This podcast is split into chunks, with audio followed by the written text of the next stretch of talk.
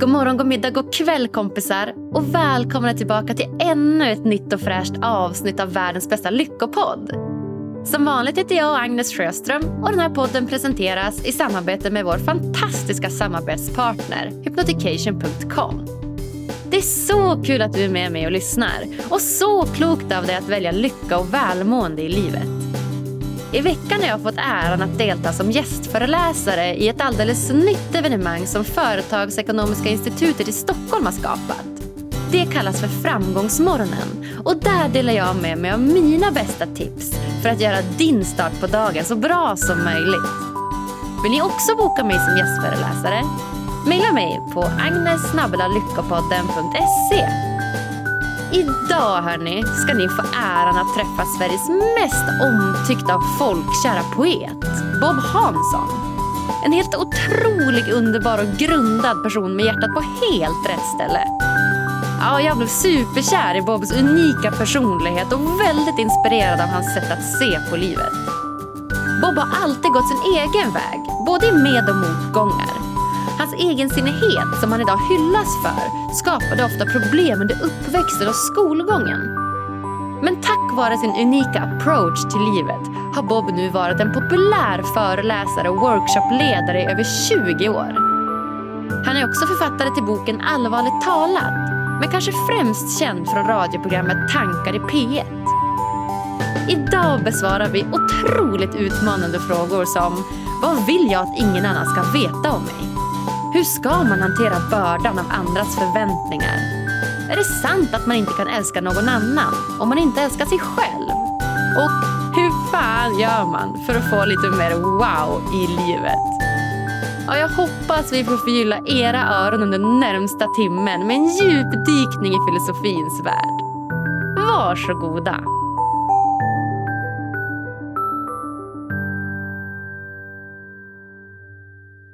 Då ser jag tjabba tjena hallå till veckans gäst Bob Hansson. Hej, hej, hej. Hej, hej, hej. Hej. Hur är läget? Jag tycker att det är bra. Jag tycker att det är väldigt bra.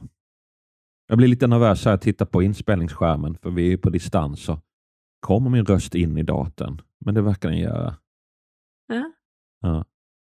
Du, du är faktiskt eh, trefaldig mästare här. En strike har du fått i personer som har önskat dig till podden, då, tidigare gäster framför allt. ja, både jag och mitt ego blir ex- eh, väldigt smickrat av det. Alltså, fantastiskt. För jag vet att du, du har ju eh, du har ju inte vilka gäster som helst.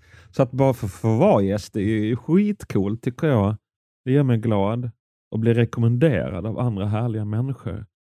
Flockdjuret i en liksom. Åh, då kanske jag har något att komma med i alla fall här i världen. Ja, vad härligt. Till exempel Christian von Essen har ju varit här och pratat. Jag vet att eh, du skrev ett litet, ehm, vad säger man, en inledning till hans bok, va? Mm, det gjorde jag. Och så han var ju en av dem, ska jag säga. Och han, Ah. eh, han nämnde dig och pratade just om lycka och framgång. Ja, just det. Ja, det är spännande. Det pratar jag gärna lite om. Ja. Och sen har vi också en annan, eh, en annan eh, kille som var med, Claes Beijer. Ja, ja, ja. Precis. Mm. Och han, eh, ja, men han är också lite så här poet och gillar ju dikter, skriva dikter och så. Så att, eh, han, han tyckte också att jag skulle prata med dig om lycka. Och han har ju varit med på Robinson och jag var en gång med på Fångarna på fortet. Så att vi är ju kollegor också i, i mindre smickrande bransch. Vad roligt! ja. Så himla kul. Men du, Wow. lycka. Har du funderat något på det ordet själv? Vad, vad betyder lycka för dig? Närvaro är det som kommer till mig nu. Närvaro. Alltså att vara närvarande i stunden. Och det låter ju banalt och som en klyscha men det är ingenting banalt med att vara det, tycker jag. För mig är det den stora skillnaden mellan lycka och inte lycka. Att i de lyckliga, alla mina lyckliga stunder som kan vara triggas av precis vad som helst. Kan triggas av att jag accelererar fort på min motorcykel. Alltså den är ganska långsam så att jag menar så här från 10 km i timmen till 25. och så rycker det till i magen så kan jag bli lycklig. Eller när jag är med en, en, en kvinna och jag för första gången tittar in i hennes ögon och förstår wow hon älskar mig. Eller nuddningen, den fysiska beröringen. Eller när jag är med min son och upptäcker att jag verkligen är med min son i den här stunden. Och inte bara är bredvid som är så lätt hänt, utan verkligen är där. Och han skrattar och han kanske säger pappa du är så viktig för världen, du gör så mycket nytta. Ja, frågar jag.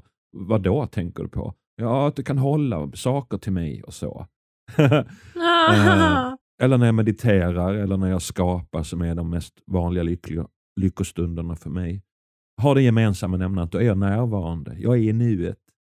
När jag är i berg och dalbanan på tivolit eller vad den är. Eh, eller för den delen när jag liksom öppnar något jag har köpt från Wish och eh, öppnat på, eh, oj vad fina skorna var. kan jag bli lite, lite lycklig av. Allt det där har gemensamt att då är jag i stunden närvarande. Då tänker jag inte på imorgon, eh, utan, utan jag är där. liksom.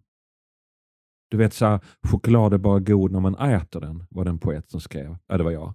Um, choklad är bara god när man äter den. Och det stämmer ju inte för att man måste ju vara, uppleva chokladen också. Den blir inte lika god om man tänker på nästa års bikinisäsong. Choklad är god när man äter den och fokuserar på den, är närvarande med den. Den blir inte så god när man tänker på vikt.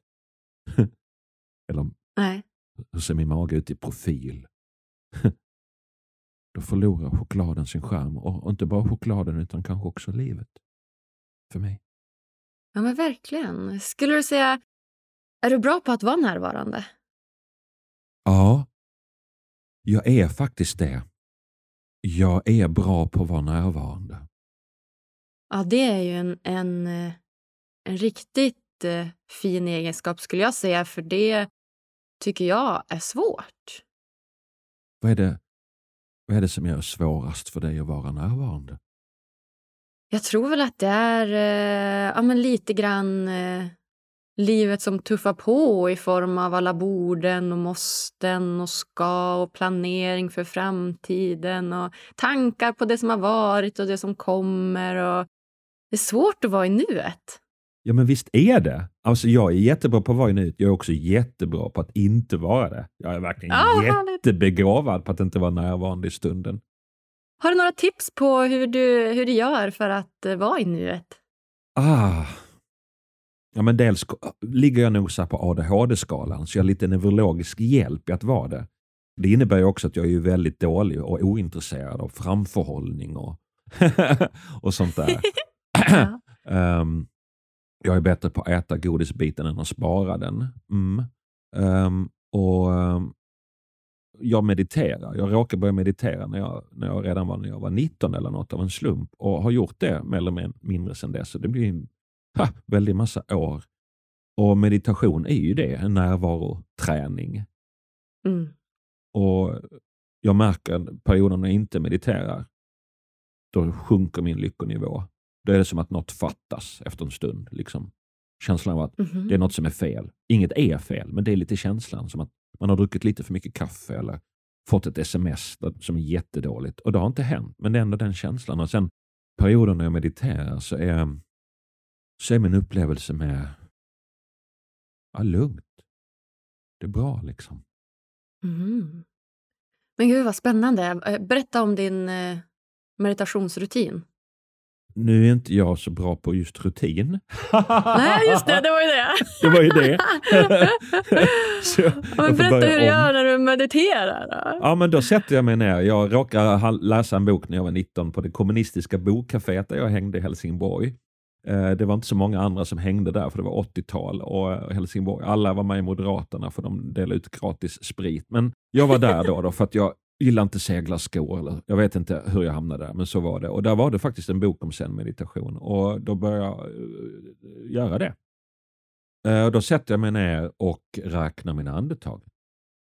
Ett, två, tre, fyra. Och sen när jag märker att jag tänker på någonting annat som jag ju hela tiden gör, för det är så hjärnan fungerar, så följer jag inte med de tankarna. Utan tillbaks till ett, två, liksom. Ehm, och Jag tror att jag är jättedålig på att meditera, så att om jag sitter 20-25 minuter så kan, ibland är det liksom kanske bara att jag liksom bara kommer till fem innan jag börjar tänka på något annat och får börja om. Men då är det ändå, tänker jag, fem andetag som jag har varit i närvaro som jag annars inte har varit. Så att jag har gått i alla fall fem andetags närvaro plus. Och för mig är det coolt med meditation att man, man kan aldrig gå back. Mm. Och meditation och lycka hänger ju definitivt ihop, säger forskningen. Mm, det gör han ju verkligen, verkligen. Hur gör du för att inte se meditation som en prestation? Ja. det gör jag ibland. Åh, nu har jag kommit hela vägen till nio. Nej, nu det var inte meditation, det var prestation. Ja. Och så får jag börja om. Uh, och den här försöker... gången kommer jag bara till fem. Ah, vad dåligt. Typ så. Ja. Och det är egot som är igång på något sätt. Och, och, och fåfänga. Och att meditera för mig handlar om att ta emot mig i det skick jag är. Ja, nu sitter jag här och är fåfäng. Nu sitter jag här och har prestation. Och sen är det inte med det, för då bara börjar jag om. Ett, två.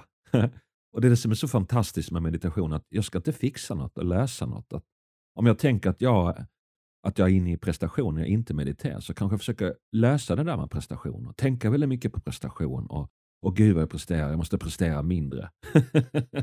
och det är svårt att prestera sig bort från prestationsångest.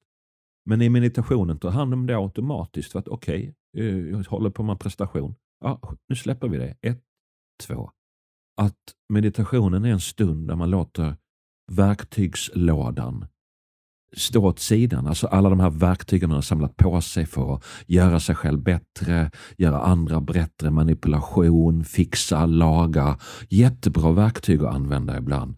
Men en stund om dagen låta de verktygen bara stå där bredvid och allt är bara, nu är jag så här, nu är jag så här.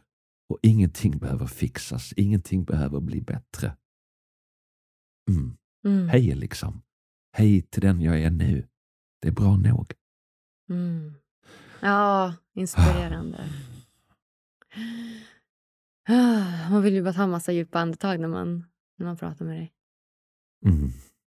Ja, då, låt oss göra det, sitta här och djupandas i 50 minuter till. det, hade, det hade varit härligt. Det hade varit härligt. Får se om lyssnarna tycker det är lika kul att lyssna på. Nej, men om de också är djupandas så kommer statistiskt sett de vara lyckligare eh, än vad de var när de började lyssna, vilket väl kanske är en bra, bra grej. Men jag vill är. inte det, för jag vill prata med dig. Jag vill verkligen, jag är så nyfiken. Ja, men jag är också nyfiken. Vi går vidare. Det är så här att eh, jag tänker att du och jag ska inleda det här samtalet med en fråga som jag är inspirerad av från ett av dina prat i Tankar för dagen. Och Det är en ganska utmanande fråga för mig.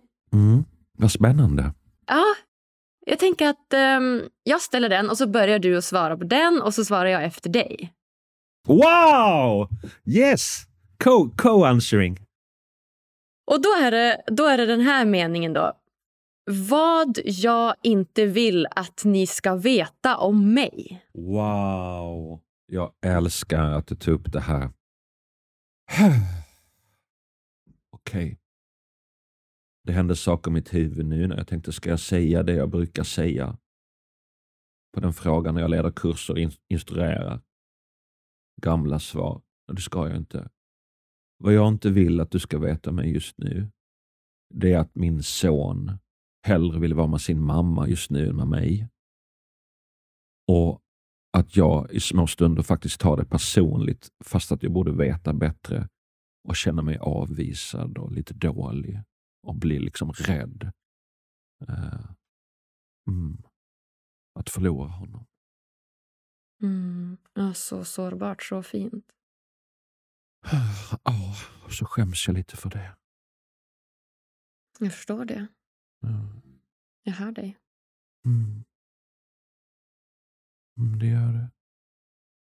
Vad, vad fint. Tack för att du delar med dig. Det är väldigt, eh, väldigt sårbart och eh, väldigt fint. Ja. Jag blir sorgsen av att svara det och känner samtidigt en så skön känsla.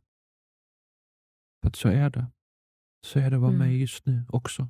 Precis så är det. Och du tar emot det. Jag ser dig på skärmen och du du är där. Mm. Jag är här. Mm. Så himla fint. Ja, vad som kan hända i ett, eh, i ett möte så. Det är väldigt vackert.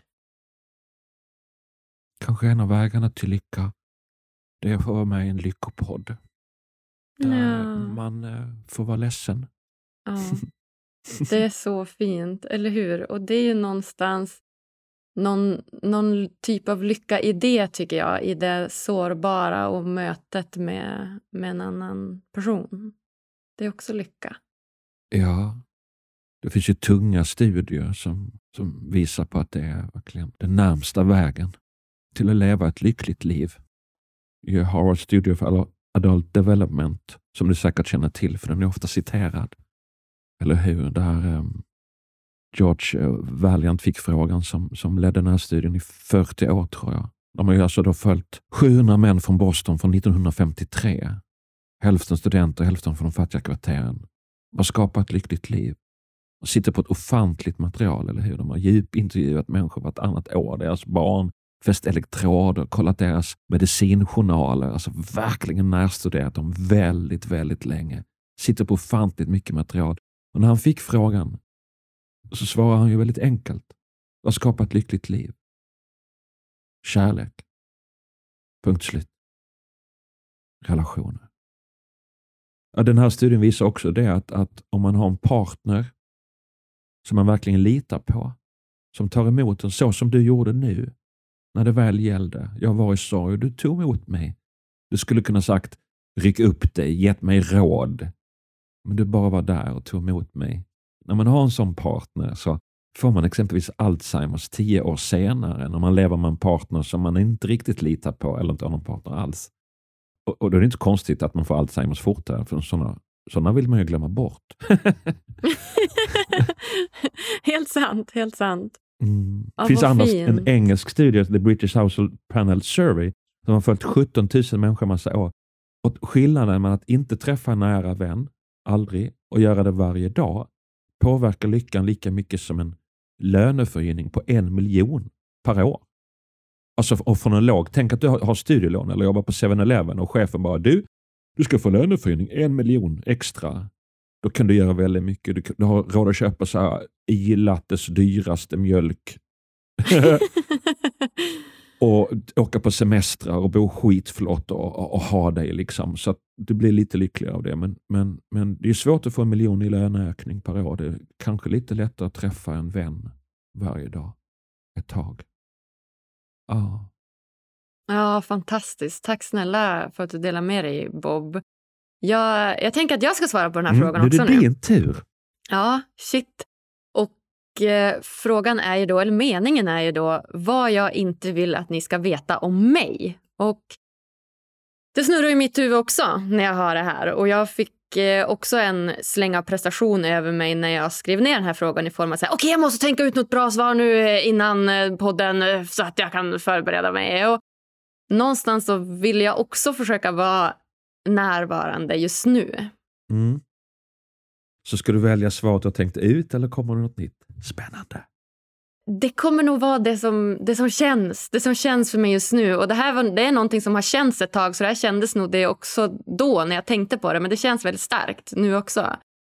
Och det är ju den här formen av, um, av prestation som jag känner för podden. Lite som vi pratade om innan samtalet. Att, uh, att jag känner en press från mig själv och från andra att jag ska vara den lyckligaste människan på jorden. Wow. Och det, det är någonting som, som både är skämmigt, för att det är inte så. Och jag är en ganska svag period själv. Och också ja, men en sårbarhet i det att ja, det faktiskt inte är så. wow. Jag, min radio gick på i köket så jag blev helt distraherad. Jag vet inte om det hörs, men jag måste stänga av den. Ja.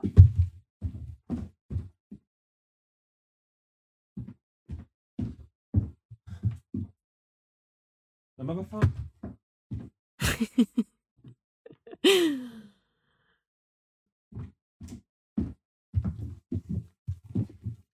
Gud. Den satte på sig av sig själv. Och så stängde jag av den och satte den på sig en gång till. Jag var tvungen att dra ut kontakten. Ehm, kan vi, så att jag tappar närvaron. kan vi ta om det där, att du svarar på den frågan igen? Ja, eller så tänker jag att det kanske får vara som det är. Hur Men jag det vill jättegärna höra igen. Ja, men jag kan faktiskt. berätta igen. Ja, Vad jag inte vill att ni ska veta om mig det är att eh, jag inte är den lyckligaste människan på jorden bara för att jag har Lyckopodden. mm. Mm. Att jag känner som prestation i att vara lycklig bara för att jag driver den här podden och det är en press som jag känner från mig själv och från andra. ja. Jag känner igen det, verkligen. Men är det, är det någonting, är det en fråga du får? Eller en förväntan du känner att andra projicerar mot dig? Ja, jag tror att jag har känt det nu. Eh, ja, det har jag känt faktiskt i olika sammanhang nu, nu på slutet. Och det var ju aldrig min intention. Jag vill ju lära mig. Alltså det var ju min intention. Jag tycker att det är kul att podda. Jag tycker att det är kul att prata med alla gäster. Och det, det var ju det som var drivkraften till att jag tog över podden från den tidigare programledaren. Så ja, det har blivit en liten paradoxal eh, snurr av lycka här i Lyckopodden för mig. Mm. Men är det, är det lättast för dig att vara lycklig eller olycklig i mötet med andra? När jag, när jag ser på dig så tänker jag att du har ett ansikte som utstrålar något väldigt positivt och glatt. Har det alltid varit så? Det har nog varit så ofta, ja. Och de här stunderna när jag är i närvaro med er, det är ju, det är ju lyckostunder för mig. Det är ju, det är ju, Lyckopodden är ju ren och skär lycka för mig. Alltså jag älskar ju det här. Det är det bästa, bästa jag vet. Och få den här möjligheten att prata med alla er fantastiska gäster, så att det, det är ju ren och skär lycka. Så att, eh, ja, det, det skulle jag ändå säga. Ja men visst är det. Igår så spelade jag in ett radioprogram för P1 och, och alltså jag, när jag cyklade dit på min elcykel så, så, så, så var det liksom bara lyckoexplosion i mig över att få träffa de här människorna och få prata om eh, något härligt eh, tillsammans med dem. Och Det blev så tydligt att det forskningen säger att närmsta vägen till lycka är möte med andra människor. Så blev det så tydligt att ja, den, den forskningen verkar fan i mig stämma, i alla fall för mig. För ingenting gör mig så lycklig som, som, som det, eller hur? Så att jag kan verkligen ja, relatera. Ja, verkligen. Ja, men alltså jag håller helt med. Det är, ju, det är helt fantastiskt. Och Det är så lyxigt att vi kan göra det här fastän vi har corona här utanför fönstret. Att vi ändå kan träffas digitalt. Det är ju lyxigt. Ja. Och kanske även dessa möten som är utanför de vanliga mötena. Alltså att det blir lite prestation. Vi är lite utanför vår comfort zone, eller hur? Eh, och Det är ju där hjärnan funkar som bäst på något sätt. Den väcks till liv och det är där lyckoögonblicken är mer, hittar man mer troligt än i, eller hur? Är det, är det bekväma på något sätt? Så det är väl en genväg till lycka, att utmana bekvämligheten och, och då är det bra med ett jobb som tvingar en till det. Mm, verkligen. Ja, men precis. Stresspåslaget blir lite, lite högre och man blir lite mer alert och lite mer nyfiken. Och, ja, jag håller helt med dig. Men jag tänker så att jag skulle vilja ha en podd bara för att träffa människor, men att man, måste man ha den ursäkten? Tänk vad som skulle hända om bara Hallå du, jag läste en bok. Eh, Kan vi snacka lite? Ah, ah. Det är väl mycket svårare än att bara, hej jag har en podd. Ja, då, går det, då är det lite lättare. Då går det bra. Aha, Ja. ja. men exakt. Det är ju en bra, en bra ursäkt som jag tror funkar många gånger ändå. Eller hur? Det blir lite lättare. För ett tag Ja, sedan så satt jag, fick en väldigt lycklig ögonblick. Jag satt på ett fik och så, så var det en, en, en kvinna som, som kom, fram mot mitt bord och jag, nej men hon är på väg mot mig. Vad, vad är det frågan om? Och så sa hon så här, hej på engelska. Jag har hört att du är poet. Eh, Du verkar spännande. Får jag hänga med dig en stund? sa hon på engelska. Vad Hon var ju naturligtvis inte svensk. Ja. Nej. Och det blev ett helt magiskt möte. Helt magiskt. Alltså inte så här kvinna-man magiskt, utan mer så här wow. Och så blev jag så här, varför gör, varför gör jag aldrig det? Det är så ofta jag ser människor som, den där verkar spännande. Men det har ju aldrig hänt att jag går fram och bara säger det och ska vi hänga lite? Det är kanske det vi ska börja göra. Ja, eller hur? Nu efter corona. Ja, nu efter corona såklart och utmana oss lite grann. Ja, så himla spännande Bob. Du, jag fick ju faktiskt din eh, fantastiska bok eh, Allvarligt talat igår och jag har inte hunnit läsa hela men jag har eh, bläddrat igenom den och ser väldigt mycket fram emot att läsa den så tack snälla du för det. Och eh, den var så spännande tycker jag för att eh, underrubrikerna består mycket av olika frågor som verkligen väckte mitt intresse och jag tänker att du ska få svara på några av dem. Mm, vad spännande. Jag är beredd. Den första frågan är ju då, hur ska man hantera bördan av andras förväntningar? Ah, det ska man inte. Fuck that. Nej, nej, nej. Man ska inte hantera bördan av andras förväntningar. För när man hanterar bördan av andras förväntningar så sysslar man med andras förväntningar. Det är det man, det är det man tänker på. De andras förväntningar ska hanteras av de andra. Jag får hantera mina förväntningar. Det har jag fullt upp med. Om jag dessutom ska hantera andras så kan jag lätt bli utmattad. Och slår det mig att hundratusentals människor i det här landet är just utmattade. De kan inte gå till sitt jobb för att de är utmattade. Och varför blir man utmattad? Det finns säkert många anledningar, men en borde vara att man har sysslat med andras förväntningar och varit jätteduktig på att leva upp till dem. Man har lyssnat på ens egen idé om andras förväntningar istället för att lyssna på sin egen kropp. Vad behöver jag? Det är vanligare att man själv kör över sig än att man blir överkörd av andra. Men man kan ju uppleva det som att andra har kört över en. Men man har inte lyssnat på sig själv. Eller så har man lyssnat på sig själv men inte tagit det på allvar och inte agerat efter det för att man är rädd för att göra andra besvikna. Och det tänker jag är, är, för mig ett jättestort hot mot min lycka är just det. Att jag får för mig att de andra har förväntningar på mig som krockar med det jag för stunden faktiskt behöver göra för att hålla min energinivå på, på ett härligt ställe. Att jag är rädd att göra andra besvikna och därför själv blir besviken på själva livet. Hänger du med? Ja, ja. Vilket är också är slående, men det finns ju en, en, många har pratat om det, ett, ett hospice, det var väl i Sydafrika, de frågade människor som låg på dödsbädden, vad ångrar ni? Det tänker man ju, vad man inte vill ångra på sin dödsbädd. Ja, och så frågade de dem på dödsbädden, men vad är det ni ångrar? Och de, de fem vanligaste sakerna man, folk där ångrade hade ju den röda tråden att man har levt upp till andras förväntningar för mycket. Alla män ångrade att de hade jobbat för mycket och träffat sin familj för mycket. För som man så ska man prestera den, den könsbunden förväntan. Mm. Och många ångrade att de hade träffat sina vänner för lite. Många ångrade att de inte hade dragit gränser. Så att det man ångrar på sin dödsbädd verkar vara just det. Att man har levt upp till andras förväntningar för mycket. Mm. Ja, så himla bra sagt. Som du säger, det är ju en röd tråd genom hela livet. Men men hur gör man då för att ha förväntningar på en rimlig nivå? Ja, det har jag ingen aning om. Nej, inte jag heller. Nej. För jag tänker att man har ju sig i en relation då till exempel så, så har man ju förväntningar utifrån hur en vän ska vara eller hur en pojkvän ska vara eller flickvän ska vara eller hur jobbet ska vara och så. Mm, det har man ju. Det har man ju. Och någonstans så så är det ju, man bygger lite sina uppfattningar på förväntningar. Alltså man, man bygger ju lite grann sina käns känsloliv på olika förväntningar. Säg att jag har en förväntning på dig av att du ska leverera bra i podden. Och sen så gör inte du det enligt mig. Då blir ju jag ledsen. Men jag vill ju heller inte ha en förväntning av att du sitter och pratar om eh, något helt annat när vi faktiskt ska prata om lycka. Mm. Förstår du? Mm. Hur vet man vart man liksom lägger sin, sina förväntningar? Jag tänker är, frågan är hur förhåller man sig till förväntningarna? Vad händer när, man, när, när andra eller en själv inte lever upp till dem?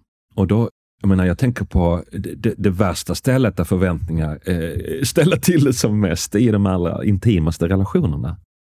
I parrelationen. Eller parrelationerna om man nu är lagd åt det hållet. Eh, jag kan otrolig massa förväntan på en partner till mig ska bete sig. Och om hon älskar mig så ska hon faktiskt svara på ett sms i alla fall inom en timme. Vi har alla olika idéer om det. Vissa tre dagar räcker, andra fem minuter. Okej, okay. men okej, okay, nu har hon inte svarat inom en timme. Vad händer med mig då? Och, och, för, mig, för mig är det viktigt att komma ihåg att vänta, vänta nu, nu känner jag mig osäker. Det triggar massa rädsla. Jag blir rädd för att bli kränkt. Kanske hon respekterar inte mig. Hon kanske träffar någon annan, hon har slutat älska mig. Alltså det kan ju hända så mycket i ett litet människohuvud på bara någon minut. Vi tänker ju 60 000 tankar om dagen och i ett sånt läge så kanske man tänker liksom 5 000 tankar på en, på en timme och det kanske inte är så bra tankar. Så att mycket händer ju på en timme. Första tanken och så 5 000 tankar senare men någon helt annanstans. Men att komma tillbaka, okej okay, just nu, hon har inte svarat på ett sms. Jag blir rädd. Eh, jag har idén om att man bör svara på sms. För så gör alltid jag. Men hon är ju inte som mig. Och det är poängen med att vara ihop med någon annan. Annars kan man bara vara ihop med sig själv. Och man behöver att den andra ska vara som en, likadan som mig. Eh, jag blir osäker. Nu sitter jag med den här osäkerheten. Istället för att reagera på liksom smsa. Du är dum som inte svarar. Vad är det frågan om? Det här är inte första gången och så vidare och så vidare och så vidare. Utan att okej, okay, jag har tydligen förväntan på att en partner ska svara på sms inom en timme. Nu hände inte det. Vem blir jag då? Blir det mer eller mindre kärlek i mig då? När jag kanske upptäcker hon har inte svarat på sms. Och då stänger jag in min kärlek till henne. Och då blir det mindre kärlek i mitt liv. Inte, inte för att hon har tagit bort någon kärlek eller inte svarat på sms. Det har jag suttit här och gjort helt själv. På grund av denna förväntan. Wow, vad spännande. Ah, ah, wow, någon slags inre samtal med sig själv. Ja, ja, ja, att uppleva liksom. Istället för att reagera. Nu är jag besviken. Nu måste jag reagera på det och se till så att jag får upprättelse eller inte bli besviken igen. Försöka få bort smärta i mitt liv är det väl man håller på med då. Som ofta leder till att det blir ännu mer smärta. För sms man får tillbaka i det läget kanske inte är fylld av kärlek. Så istället för att försöka ta bort smärta, uppleva den smärta jag känner. Och därmed också ta ansvar för den faktiskt. Ja, fantastiskt. Superbra. Eh, den andra frågan det är, är det sant att man inte kan älska någon annan om man inte älskar sig själv? Ja, men vänta. Den här förra frågan. Om vi tar första frågan igen. Vilken var det? Ja. Hur ska man hantera bördan av andras förväntningar? Mm, och vad är ditt svar på det? Ja.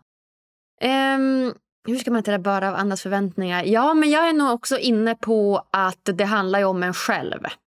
Det handlar ju om en själv mer än vad det handlar om den andras faktiska handlande och saker man säger till sig själv. Så att jag är nog mer inne på den, på, på samma spår som dig där. Att eh, ja, vad händer i mig när, när min partner inte svarar på smset? Och vad, vad har jag sagt till mig själv? Vad säger jag till mig själv då? Säger jag till mig själv att jag inte är älskad? Säger jag till mig själv att jag inte förtjänar det här smset? Säger jag till mig själv att han eh, är med någon annan. Du vet. Mm. Så jag är nog helt inne på samma spår som dig, Bob. Mm. Bra, high five! Vi är överens. Härlig känsla. Wow. Ja. Och då är jag skåning och du sitter i Norrland och ändå bara wow, samma lag. Och ändå är vi på samma lag. Visst är det härligt? Okej, över till andra frågan då. Är det sant att man inte kan älska någon annan om man inte älskar sig själv? Mm. Och i, i, i, boken där, allvarligt talat, Livet hur fan gör man som precis kommer ut, reklam. så eh, nej, men det är ju en fantastisk bok. Och mm, Då kommer ju svaret jag skrev där, då, som jag inte riktigt minns. Men ehm, att jag frågade, jag gick runt på stan och frågade så här, älskar du någon annan? Ja, så var det många som svarade ja. Älskar du dig själv? Nej, det gjorde de inte. Alltså, ja, det går att älska någon annan, fast att man inte älskar sig själv. Och sen går jag vidare i svaret och upptäcker att för mig, så, så ja, jag kan älska någon annan om jag inte älskar mig själv, men det blir väldigt klamrat, desperat älskande. För att frågan är så här, kan jag känna mig älskad av någon annan om jag inte älskar mig själv? Mm, det kan jag faktiskt, men inte så länge i taget. För exempelvis om inte hon smsar eller beter sig på det där sättet, då känner jag mig inte älskad längre. Och Eftersom jag inte älskar mig själv så är hennes kärlek den enda som finns. Så då försvinner all kärlek på något sätt. Och då är det väl ännu lättare för mig att försöka manipulera hennes beteende så att jag känner mig älskad. Du måste verkligen agera på ett sätt så att jag känner mig älskad, för annars är det ingen kärlek kvar. Och nu är jag ju rätt gammal, men Oh, de första 30 åren av mitt kärleksliv, alla relationer, tog ju slut. För att jag hade försökt manipulera fram ständiga bekräftelser på att de älskade mig. Och en gång så kom frågan till mig, eller att man skulle säga så här, eh, Bob, jag älskar dig. Jag läste det i en bok. Bob, jag älskar dig. Och så sa jag det och jag tyckte att det lät fånigt. Det lät fånigt, det lät patetiskt. Du är ändå poet på Södermalm. Man ska inte, det lät amerikanskt och klyschigt och ytligt. Och, och då slog det mig, herregud, om jag inte ens litar på att jag säger Bob, jag älskar dig, hur kan jag då lita på att någon annan säger Bob, jag älskar dig? Nej, jag hade svårt att lita på det. Och, och, och så har det ju varit. Så nu övar jag på att säga Bob, jag älskar dig. Och säga det så många gånger i rad så att jag verkligen kan känna, ja, det ligger någon sanning i det mm. Hmm, vad fint. Mm. Och vad skulle du svara då? Ja, rent spontant så skulle jag säga, är det sant att man inte kan älska någon annan om man inte älskar sig själv? Ja, jag tror också det. Absolut. Men jag tror också som du säger att det kommer med komplikationer. Jag tror att det blir svårare då i en relation till exempel. Om jag inte känner att jag älskar mig själv och är nöjd och glad i den jag är och det jag gör så, så tror jag att det absolut kommer att, eh, att locka fram bekräftelsebehov eller svartsjuka eller liknande saker som, som då kanske inte är ja, så lätthanterliga alla gånger om man inte älskar sig själv. Mm. Eller hur? Då blir det inte relation utan komplik komplikationer. Och Jag har haft sådana relationer där båda är typ som u-länder som behöver slags eh, FN-flygplan som bombar nödpaket ner på en. och man är liksom två u-länder och vill att den andra ska vara ett flygplan från FN som fixar allt. Och då är väl tricket på något sätt bara nej, jag börjar vara det där FN-planet. Eller rättare sagt, nej, men jag är inget u-land. Jag är en människa och, och jag har varit älskad många gånger i mitt liv och det finns kärlek. Och, och, och, att jag älskar mig själv, även om jag inte tror, alltså jag bryr mig om mig själv ju. Men har jag någon gång varit besviken på att jag inte fick ett jobb jag ville ha? Ja, jag blev besviken och jätteledsen. Varför? För att jag bryr mig om mig ju. Det kan kännas som att jag älskar mig, men jag blir ju jätteledsen när jag inte får det där jobbet eller partner jag vill ha, för jag bryr mig verkligen om mig. Och när något roligt händer så blir jag jätteglad för att jag vill att det ska gå bra för mig. Jag bryr mig verkligen om mig. Och så, så är det väl för oss alla, att vi bryr oss om oss själva. Även om vi går runt med idén att, att vi inte älskar oss, så tror jag ändå att vi faktiskt gör det. Ja, det tror jag. Det är helt sant. Det är fint sagt. Jag tror att, jag tror att det är svårt nu provpratar jag, men jag tror att det kan vara svårare att älska sig själv än att älska andra för att vi känner ju oss själva bäst och vi har ju våra egna tankar som snurrar i form av att kanske man blir besviken och inte är bra nog och inte duger och inte räcker och är rädd. Och de här, det här är ju sånt som vi egentligen inte vet om den andra personen. Vi vet ju inte hundra procent. Och därför tror jag att det är svårare att älska sig själv ibland än vad det kan vara att älska andra. Och jag tror att det blir ännu svårare eftersom vi lever i en kultur som vill gömma, gömma undan allt det där. Mm. Därför är den frågan så radikal, vad jag inte vill att du ska veta om mig. Och när man svarar på den frågan, som i vårt möte, så händer någonting. Det blir, det blir lite magiskt, det blir nästan kärlek. liksom. Ja. Av att blotta sig. Och, och vi är upplärda att inte blotta oss. Vi är lite upplärda med att bara visa mina bra sidor. Rättare sagt min idé om andras idé om bra sidor. Om jag visar upp dem, då blir det lättare kärlek. Och så har jag levt mitt liv, men upptäckt att det kanske faktiskt är tvärtom. Mm.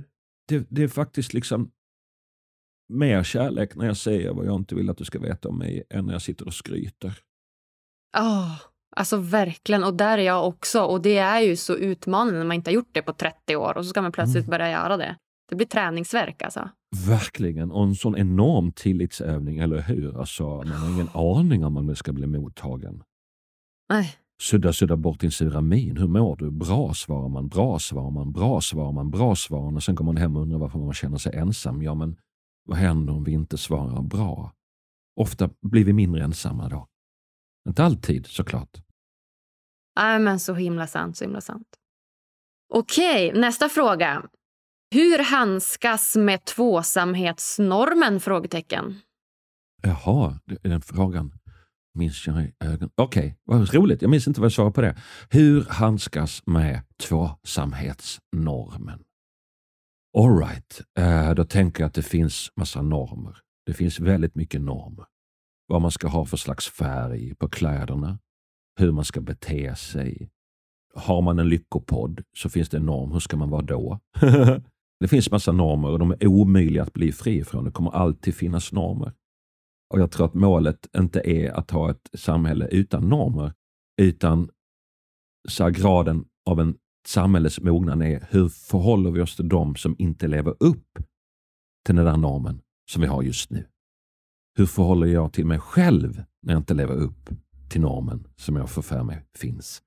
Om det finns en tvåsamhetsnorm och jag inte är i tvåsamheten, vem blir jag då? Hur reagerar jag då? Kan jag, kände jag att jag tappade tråden här, presterar dåligt poddsvar. Vad härligt. Vad härligt. Jag blir glad av det. Jag vill ta frågan igen. Hur handskas med tvåsamhetsnormen? Mm. Livet gör ont. Det är ofrånkomligen så. Det är ingen som ligger på sin dödsbädd och säger Jaha, jag har levt i 83 år. Det gjorde aldrig ont. Det gör ont. Det gör ont i en själv och det gör ont i de man har bredvid. Hur man än beter sig så kommer man skapa smärta i andra. Exempelvis genom att inte leva upp till förväntningar eller leva upp till norm. Då kan jag göra ont i andra. Och, eh, och det finns ingen genväg runt det. Hur jag än beter mig så kommer det göra ont i andra. Och då kanske det är bättre att bete mig på ett sätt som skapar lycka och frid och frihet i mig. Även om det kan skapa en kortsiktig smärta eller nervositet i andra. Hur jag än anstränger mig kommer jag inte leva upp till normerna. Men förmodligen kan jag komma att upptäcka att människor tycker om mig i alla fall. Och kanske ännu mer. Jag är 50 år och har ofta blivit hyllad för att gå min egen väg och du är så modig och går din egen väg och allt det där. Ja, men jag måste fortfarande, fortfarande kämpa och upptäcka att jag själv sviker mig själv genom att försöka leva upp till en norm. När jag jobbar som föreläsare så kan jag få för mig att nu måste jag leva upp till en föreläsarnorm. För det är en jättehög faktura och då måste jag nog vara som Anders Borg. och så är jag nästan som Anders Borg. Och så kommer applåderna, men jag hör ju att de där applåderna kommer. Liksom, det, är, det är mycket artiga applåder. Jag minns en gång när jag föreläste för Arbetsförmedlingen och jag mådde jättedåligt den dagen. Det var en sån där dag jag hade stannat hemma om jag inte var tvungen att gå utanför dörren. Jag kommer dit och jag är beredd på att säga till dem att, att, att det här kommer inte att gå bra och då får ni pengarna tillbaks. Och så börjar jag föreläsningen med att berätta att, att, att jag har, ja det är jättejobbigt. Det här kommer inte att bli bra kanske. Och applåderna efter den föreläsningen kom inte av artighet. Och folk sprang efter mig och, och var till sig vilken bra föreläsning det var. Så att jag verkar ge mer till världen när jag inte lever upp till normen. Märkligt, märkligt. Och ändå får jag gång på gång för mig att det är nog dags för mig att leva upp till normen nu. Ja, när jag var 30 år, då, kunde jag ju, då var jag nästan ung och då kan man ha hennafärgat hår och springa runt och vara jätteglad. Men nu är jag 50 nu får jag, och man, nu måste jag väl ändå vara seriös och, och inte skratta så högt på tv. Jag har fått väldigt mycket skam för att jag har skrattat för högt i kulturella kretsar. Det, då verkar man inte vara trovärdig kanske, utan ytlig. Och så har jag skrattat mindre och försöker ha djupare basröst och skriva dikter om, om, om, om ångest och elände. och så avslöjar jag mig själv att, nej men Bob, herregud, tror du verkligen att människor behöver mer dikter om ångest? Tror du människor be behöver mer människor som inte skrattar högt? finns ju redan jättemånga sådana. ja, eller hur? Ja, men jag älskar det. Skratta hur högt du vill. Det är helt fantastiskt. Ja, eller hur? Det är lätt att säga, det säger ju också folk, men folk kan också bli nervösa. Liksom. Varför skrattar du så högt på något sätt? Och gör det till. Jag, menar, jag har också suttit på en biograf och varit irriterad av att någon dam framför mig skrattar alldeles för högt på ställen som ju inte ens är roliga. Hon sitter och gör sig till. Hon är själv upptagen. Hallå, det är faktiskt andra människor här. Ska jag knacka henne på axeln? Nej, nej, då är jag en sån tråkig surgubbe. Ska jag flytta mig längre, längre bak här kanske? Nej, men då måste, nej, men inte ska väl jag behöva flytta mig för att hon sitter och skrattar. Gud vad hon gör sig till. Ah, okej, okej, okej. Och då tänker jag att det där, att störa sig på att en annan människa inte tonar ner sig, kanske är ett, ändå ett litet pris för en värld som är en bättre version än den, än den värld där vi hela tiden är ängsliga för att andra ska störa sig på oss och därför fryser. Mm. Men det är inte lätt, eller hur? Hur blir du? Hur blir du när du upptäcker att du inte lever upp till normer och förväntningar och att människor kanske blir lite... Har människor varit skeptiska mot dig för att du varit för glad eller för positiv exempelvis? Ja, det har de. Och speciellt i podden. Det fick jag höra av en poddgäst jag hade i början. Gustav Josefsson Tada. Ja, men han var verkligen så här, blev inbjuden till podden och jag tycker han är superspännande. Han har ju, är lite så futurist och lite koll på framtiden och är väldigt liksom, ja, men, är med i det här Burning Man och det här Borderland ja, och sånt. Det tycker jag är skitspännande. Dessutom är han okay, supersnygg. Ja. Ja, han är skitsnygg. Ja, Riktigt snygg alltså. Ja, ja absolut. Verkligen, den lilla jäveln. Nej, men han, han var ju på mig direkt i det där. Och han var ju som sådär, ah, vet du, jag, nej, jag känner ingen tillit till dig för att du är så himla glad. Alltså han tyckte wow. jag var för glad. För här uppe och för taggad och för peppad. Du vet. Och det, det, det tog ganska hårt på mig för jag, jag, det, jag, jag älskar ju det här. Alltså jag älskar ju den här podden och jag älskar att prata med, med alla er. Så där var det verkligen som att jag fick ett litet slag i magen. Att bara, Oj, shit, jag verkar inte trovärdig. Men, men jag, jag, är ju glad. Och bara, aha, får jag inte vara så här glad? Dö, dö, dö. Den. Oh. Så det var jobbigt. det var jobbigt. Men försökte ändå grunda det någonstans i att så här, men vad är sant för mig. Mm. Oavsett vad han eller då alla andra tror så måste jag ju göra det som är sant för mig. Och det är min sanning. Så då försöker jag leva efter det. Men, men hur, hur lång tid tog det för dig att komma tillbaks till det? Eller var det så att, att jag tänker att oj, han kanske har rätt, han kanske har rätt. Men sen kom det på, nej, det har han inte. Hur, hur lång var den processen? I mean, eh, ja, men bra fråga. Alltså, jag undrar om... Alltså, så här, kom tillbaka. Jag tror aldrig att så här, jag kom tillbaka. Utan jag kommer väl kanske framåt i det, tror jag. I form av att så här, ja, just det, jag kanske bara visar min glada sida. Det kanske finns intresse hos människor att få se den andra sidan. Kanske lite som vi efter det här samtalet. Mm. Mycket sårbarhet och det känns väldigt utelämnande för mig. Så att jag är ju brutalt mycket utanför min comfort zone här. Mm. Grattis! Ja men tack, tack! Och det känns det är superspännande. Och samtidigt som jag är ju den här glada personen som jag är. Så, och det kommer jag inte ta bort, men det kommer kanske få följa med mig framåt. Lite så ser jag det. Mm. Så hans fråga tänker jag var väldigt modig. Den var verkligen utanför hur man ska bete sig. Man ska inte börja kritisera den som har bjudit in en i en podd. Exakt! Ja, och så visst. gjorde han det ändå. Jaha, aha, exakt. Så det är mycket som händer. Men eh, någonstans i slutändan så, är det väl, men så finner jag någon slags tacksamhet för det också. Mm. Ja, undrar hur jag skulle reagera om jag skulle nog lätt känna skamkänsla om någon sa så till mig. Ja, folk har sagt precis samma sak till mig. Mm. Ja, det är ju det. Det är lite skam. Mm. Ja, men låt oss fortsätta skratta högt. Ja, men jag tycker det. Kristin Falkenland var en fantastisk poet som på 90-talet hade jättetuperat hår och var helt vitsminkad i ansiktet och jätterött läppstift och svarta kläder och hade en, en man som var två meter lång, lång och typ serb och hade jättemycket smycken och stort hår och Game of Thrones-känslan. Och, och hon sa i en intervju, jag är trött på att tona ner mig, nu får andra se till att tona upp sig. Ah, Nice. Jag tycker det är så bra sagt. Sen flera år senare så hade hon ju tonat ner sig och, och, och slutat skriva dikter och var ihop med en annan man och så gick jag fram och tackade för de där orden och så sa hon det, det känner jag inte igen, det har jag aldrig sagt.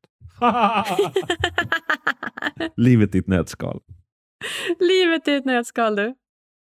Okej, näst sista frågan då. Superspännande är på den här.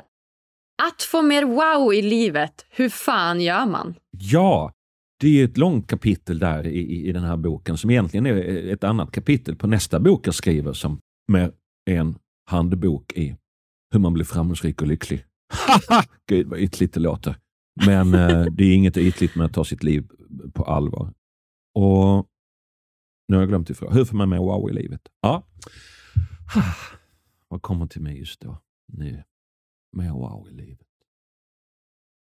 Ja, det som är aktuellt nu är möten utanför comfortzonen som jag hade igår och jag har förmånen att ha nu med dig. Tack för att du bjuder in mig till det här. Ja, och till dig. Tack själv.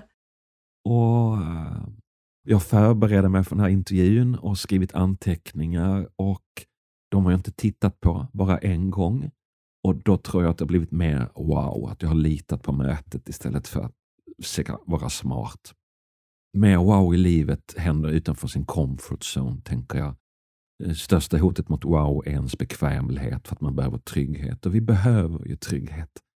Men om man inte utmanar sin comfort zone så är det tydligen så att den krymper. Det visste inte jag. Det är inte så att den bibehålls, utan att den krymper. Om man inte, om man inte försöker få den större så blir den mindre. och för mig är det tydligt i livet, min, min mormor som blev nervös av att mjölken hade bytt plats på Konsum. Och när jag var ung så, så liftade jag utan pengar till Amsterdam och alla vuxna sa det kan man inte göra och jag bara, jag måste för det är jättetråkigt i Helsingborg. och jag sov på gatorna där och jag träffade liksom musikanter och uteliggare från hela Europa. Och jag sov i en offentlig toalett på reeperbahn och det var skitjobbigt men det kunde också bli wow. Man stod och liftade i, i, tre timmar i regn, jävla skit. Men sen stannar en kille och kör extra fort och kör omvägar och folk som tar hem en. Du får sova hos mig. Alltså ett fantastiskt sätt att, att lifta om man vill tro på människan. För alla skitstövlar åker ju förbi. uh, och det blir massa, massa wow. Nu åker jag första klass. Det blir ju fan inte wow, men det är ju bekvämt. Så för mig handlar liksom, eh, om jag vill ha wow, ut för, ut för bekvämlighetszonen. Och jag är superlat, jag är superbekväm så att jag måste verkligen vara aktiv i mina livsval, att, att putta mig ut ur komfortzonen. Och många, många dagar kan jag inte det. Jag har inte ork, jag har inte tid.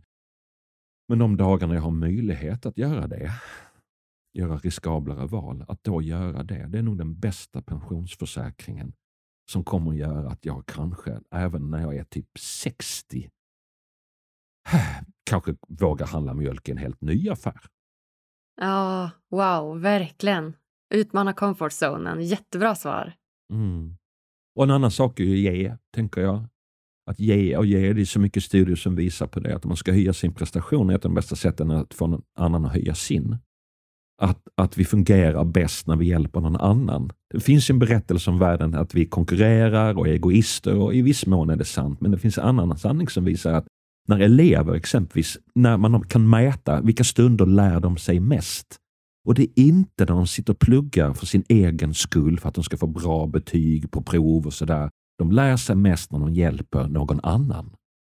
Mm. Så att våra hjärnor verkar liksom vara byggda för att fungera som allra bäst när man hjälper någon annan. Eller den här studien som visar att man ger folk pengar, man får några dollar och, och hälften får spendera dem på sig själv och hälften får spendera dem på någon annan. Och så mäter man lyckonivå innan eller efter så visar sig, ja, pengar kan göra en lycklig men bara om man ger bort dem. ah, så bra! Verkligen. Ja, att ge, det är ju något extremt fantastiskt fint i det. Ja, men visst är det. Det är bland det kanske mest egoistiska man kan göra. Att hjälpa andra och ge bort. Liksom. Ja, vilken paradox. Mm. Ja, Ja, men fantastiskt. Mer wow. Ja, alltså absolut. Jag håller helt med dig. Utmana sin comfort zone och jag tänker också mycket på så inspiration och att eh, göra det som man tycker är kul och finner lust, lustfyllt och inspirerande. Ja! Mer, mer än att så här, vara i det klassiska gamla ekorrhjulet det är klart att man behöver liksom ha sin inkomst och ha sitt jobb och hela, liksom, handla mat och göra sådana saker som mm. hör till. Men att, att jag tror att tid är det dyrbaraste vi har. Så att, att man utnyttjar sin tid till det som faktiskt är viktigt. Mm. Och då måste såklart alla utgå från sig själv. Men jag har verkligen öppnat ögonen för inspiration, lust, ha kul och, och hela den biten. Det är wow för mig. Mm. Åh, jag ser det gnistra i dina ögon när du säger det här. Ja, men kul. Verkligen. Ja, men verkligen. Jag tänkte på något när du sa det här. Vad tänkte jag på? Jo, nej men att göra saker som man tycker är kul. Då finns det någonting som heter happy advantage, lyckofördelen. Har du hört talas om den? Nej. Den visar att det finns en koppling mellan framgång och lycka. Men den är helt tvärt emot vad man har trott. Det är inte framgång som skapar lycka. För den gör ju inte det. Men tvärtom, lycka skapar framgång. Våra hjärnor presterar i princip 31 procent bättre om vi i stunden är lyckliga. Läkare, vet du, de blir 19 procent bättre på att ställa rätt diagnos om de för stunden är lyckliga eller, än om de har neutral eller olycklig hjärna i stunden. Och i experimentet, så vet du hur man har triggat igång deras lycka? Nej. Nej.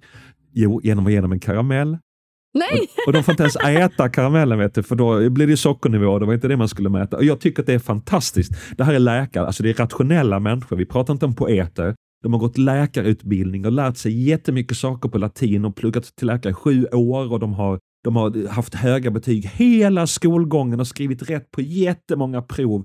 Gud vad de har ansträngt sig och lärt sig saker för att bli läkare. Men de blir 19 procent bättre på att vara läkare om de får en karamell. Ah, ja, men det här, fasen vad spännande. Jo, men det här vet jag om. Jag läser ju psykologi och nu är vi inne på mycket ledarskap och arbetsplatsorganisationer. Och då pratar man ju väldigt mycket om det. Att så här, vad är det som, som ger vad? Är det då ett välmående som skapar att man blir produktiv eller produktivitet som skapar välmående? Och det visar ju väldigt mycket att du måste må bra för att prestera bra. Absolut. Så absolut. Relation ja, föregår prestation. En studie som Annika Lilja gjorde på Läkarhögskolan i Göteborg som visar lärare, de som har lärare där eleverna lär sig mest i rummet, vad har de för gemensam nämnare? För det finns inga studier som faktiskt berättar varför vissa lärare lyckas bättre än andra. Det är väldigt oklart. Men den här studien fann en gemensam nämnare. De lärare vars elever får bättre resultat, det var lärare som var bra på att säga saker som Hej, vilken fin kofta du har köpt till eleven. Du ser lite trött ut. Vad kul, vad kul att du kom ändå. Alltså, att det verkar vara så att om man först blir sedd som människa så kan man sen bli bättre på ekvationer också. Först relation, sen prestation. Att vårt grundläggande behov ändå är, blir jag mottagen som människa? Så som du tar emot mig här. På något sätt. Liksom. Att det är så himla himla viktigt. Även om man betraktar sig själv som en rationell människa. Eller en mattelärare som bara, herregud, det handlar om ekvationer här, inte relationer, det är ingen psykologilektion. Ja, men om du vill att de ska lära sig ekvationer så behöver du fixa det här med relationer och säga saker som fin kofta.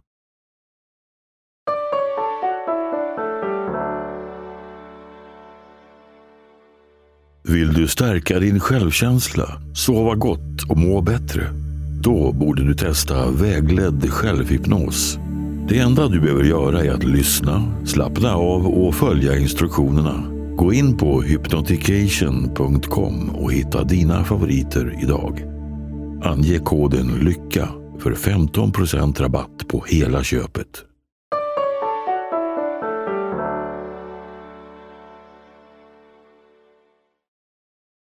Sista frågan då, som jag tyckte var superrolig, som jag skrattade lite åt, det var ju, är jag en get? Ja. Underbar fråga. Underbar fråga, är du en get? Jag är till viss mån get, det tror jag. Vad härligt. Jag, jag tror att jag är ett lamm, för Agnes betyder lamm. Så jag skulle Ah. säga att jag är ett lamm. Mm. Jag tror också att du är ett lamm. Men jag tror också att du är mycket mer än det. Ja, det är jag. Man anar ju lejonet där. Ja, det finns liv. Det finns liv, absolut. Vad betyder Bob? Eh, Robert kommer det från och det, jag kommer inte ihåg, segrar eller något sånt. Mm, något som egot gillar. Ja, exakt. Och eftersom jag mediterat så har mitt ego blivit 7% mindre. och just de 7 procenten som hade kommit ihåg det här och glöm, eh, finns, är borta. Ja. det är ett helt fantastiskt namn tycker jag. Bob. Jag har aldrig träffat någon som heter Bob. Det är helt underbart. Mm. Och sen två veckor exakt står det även så på mitt ID-kort faktiskt. Ah, okej. Har det stått något annat innan? Ja, jag är döpt till Robert. Okej. Mm. Ja, nej men du, vad härligt eh, Bob. Jag tänker att vi ska börja runda av här med de sista frågorna. Mm. Den första frågan är ju något som du har varit inne på, men jag tänker att du får dra det lite kort. Och det är ju, vad gör dig som lyckligast? Mm. Ja, det är ju möten. Det är ju möten. Det är när jag är kreativ. Och när jag är kreativ så släpper jag fram mig själv. Jag sitter inte och dömer mig själv och funderar på vad jag borde göra, borde skriva eller så, utan jag skriver helt enkelt. För det är svårt att vara kreativ och kritisk samtidigt på något sätt. Jag måste välja, ska jag öppna för flowet eller ska jag sitta och vara smart? Det går inte att vara igång med båda sakerna samtidigt. Det går inte att älska med en annan människa och samtidigt tänka ut uh, hur den bästa älskaren ska bete sig. det blir väldigt komplicerat. Det blir inte mycket wow. Jag har ju provat det alldeles för många gånger. Det har aldrig funkat. nej, Och så är det ju meditationen. Verkligen, det är meditationen. Du vet, me- meditationen bygger ju om hjärnan. Får jag berätta det här? Att, att, för, att, för att man har ju mediterat i flera tusentals år över hela jordklotet.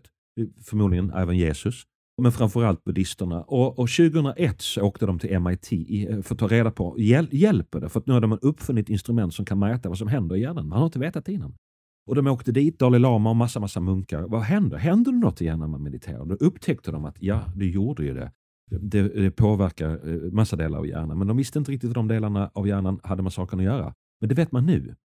Och då upptäcker man att de delar som allra mest påverkas, eller väldigt mycket påverkas, har med om man är optimist eller pessimist att göra.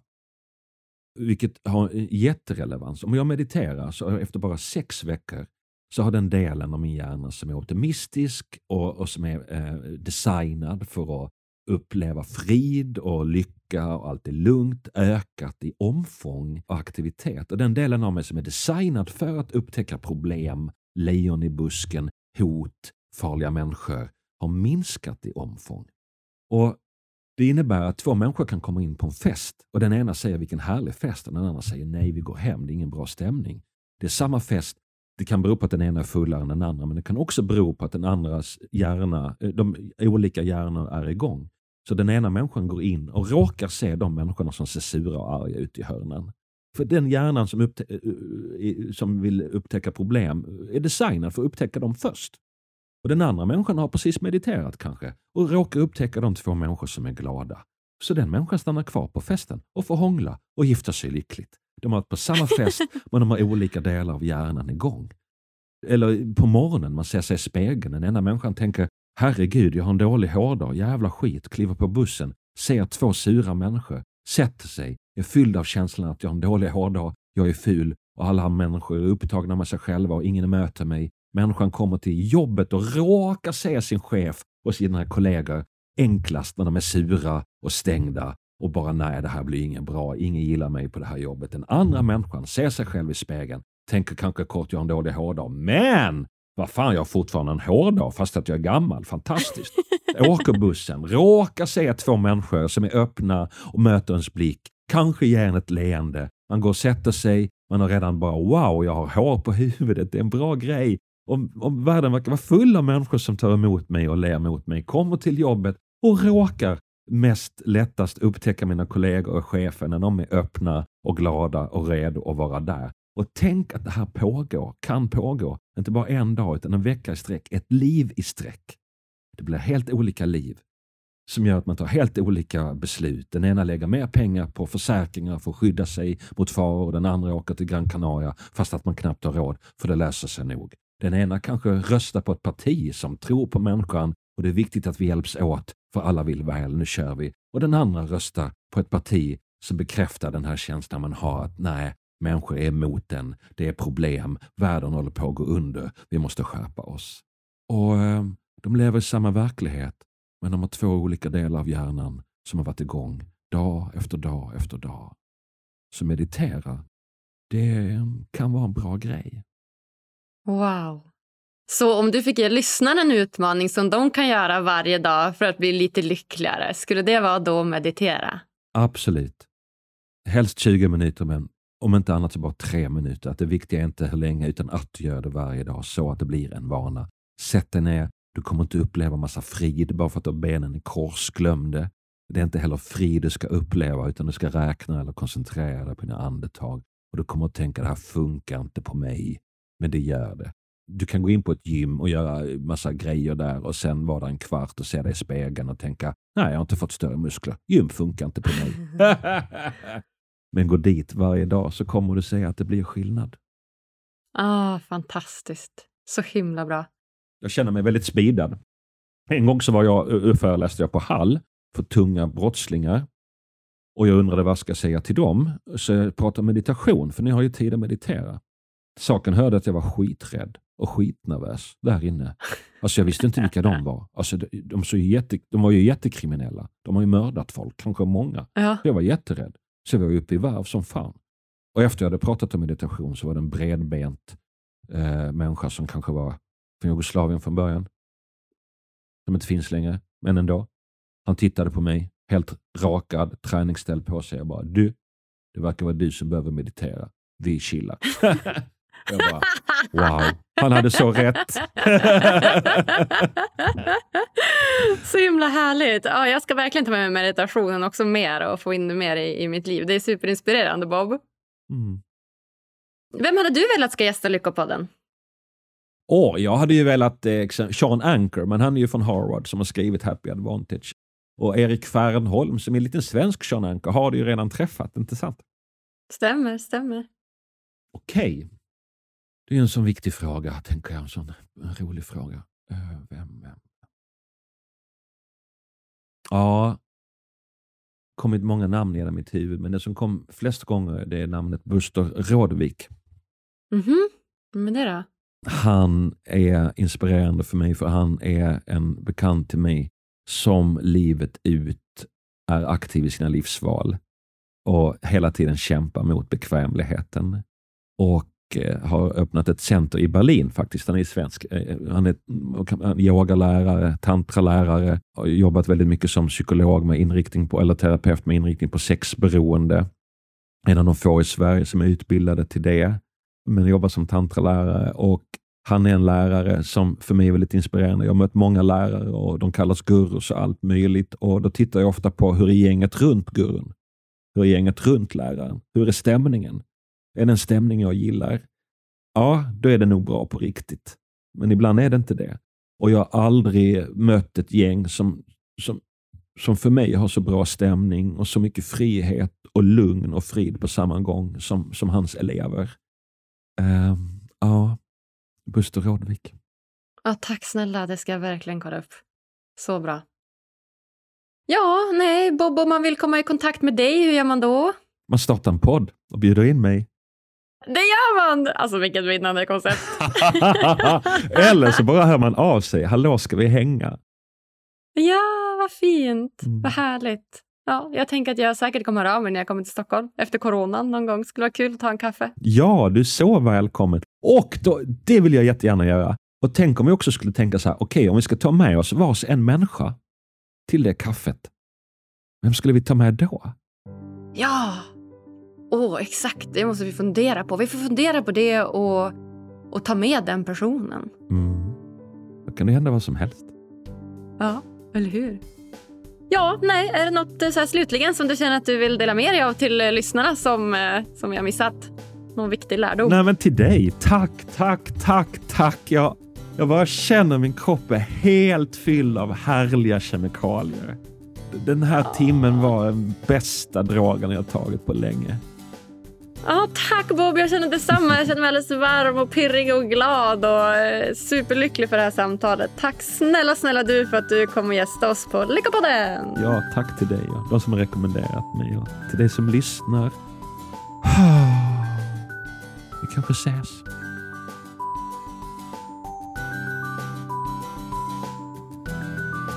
Nej men alltså wow hörni. Bob Hansson alltså, vilket original. Så fantastisk människa och hjälp vilka utmanande frågor vi svarar på idag.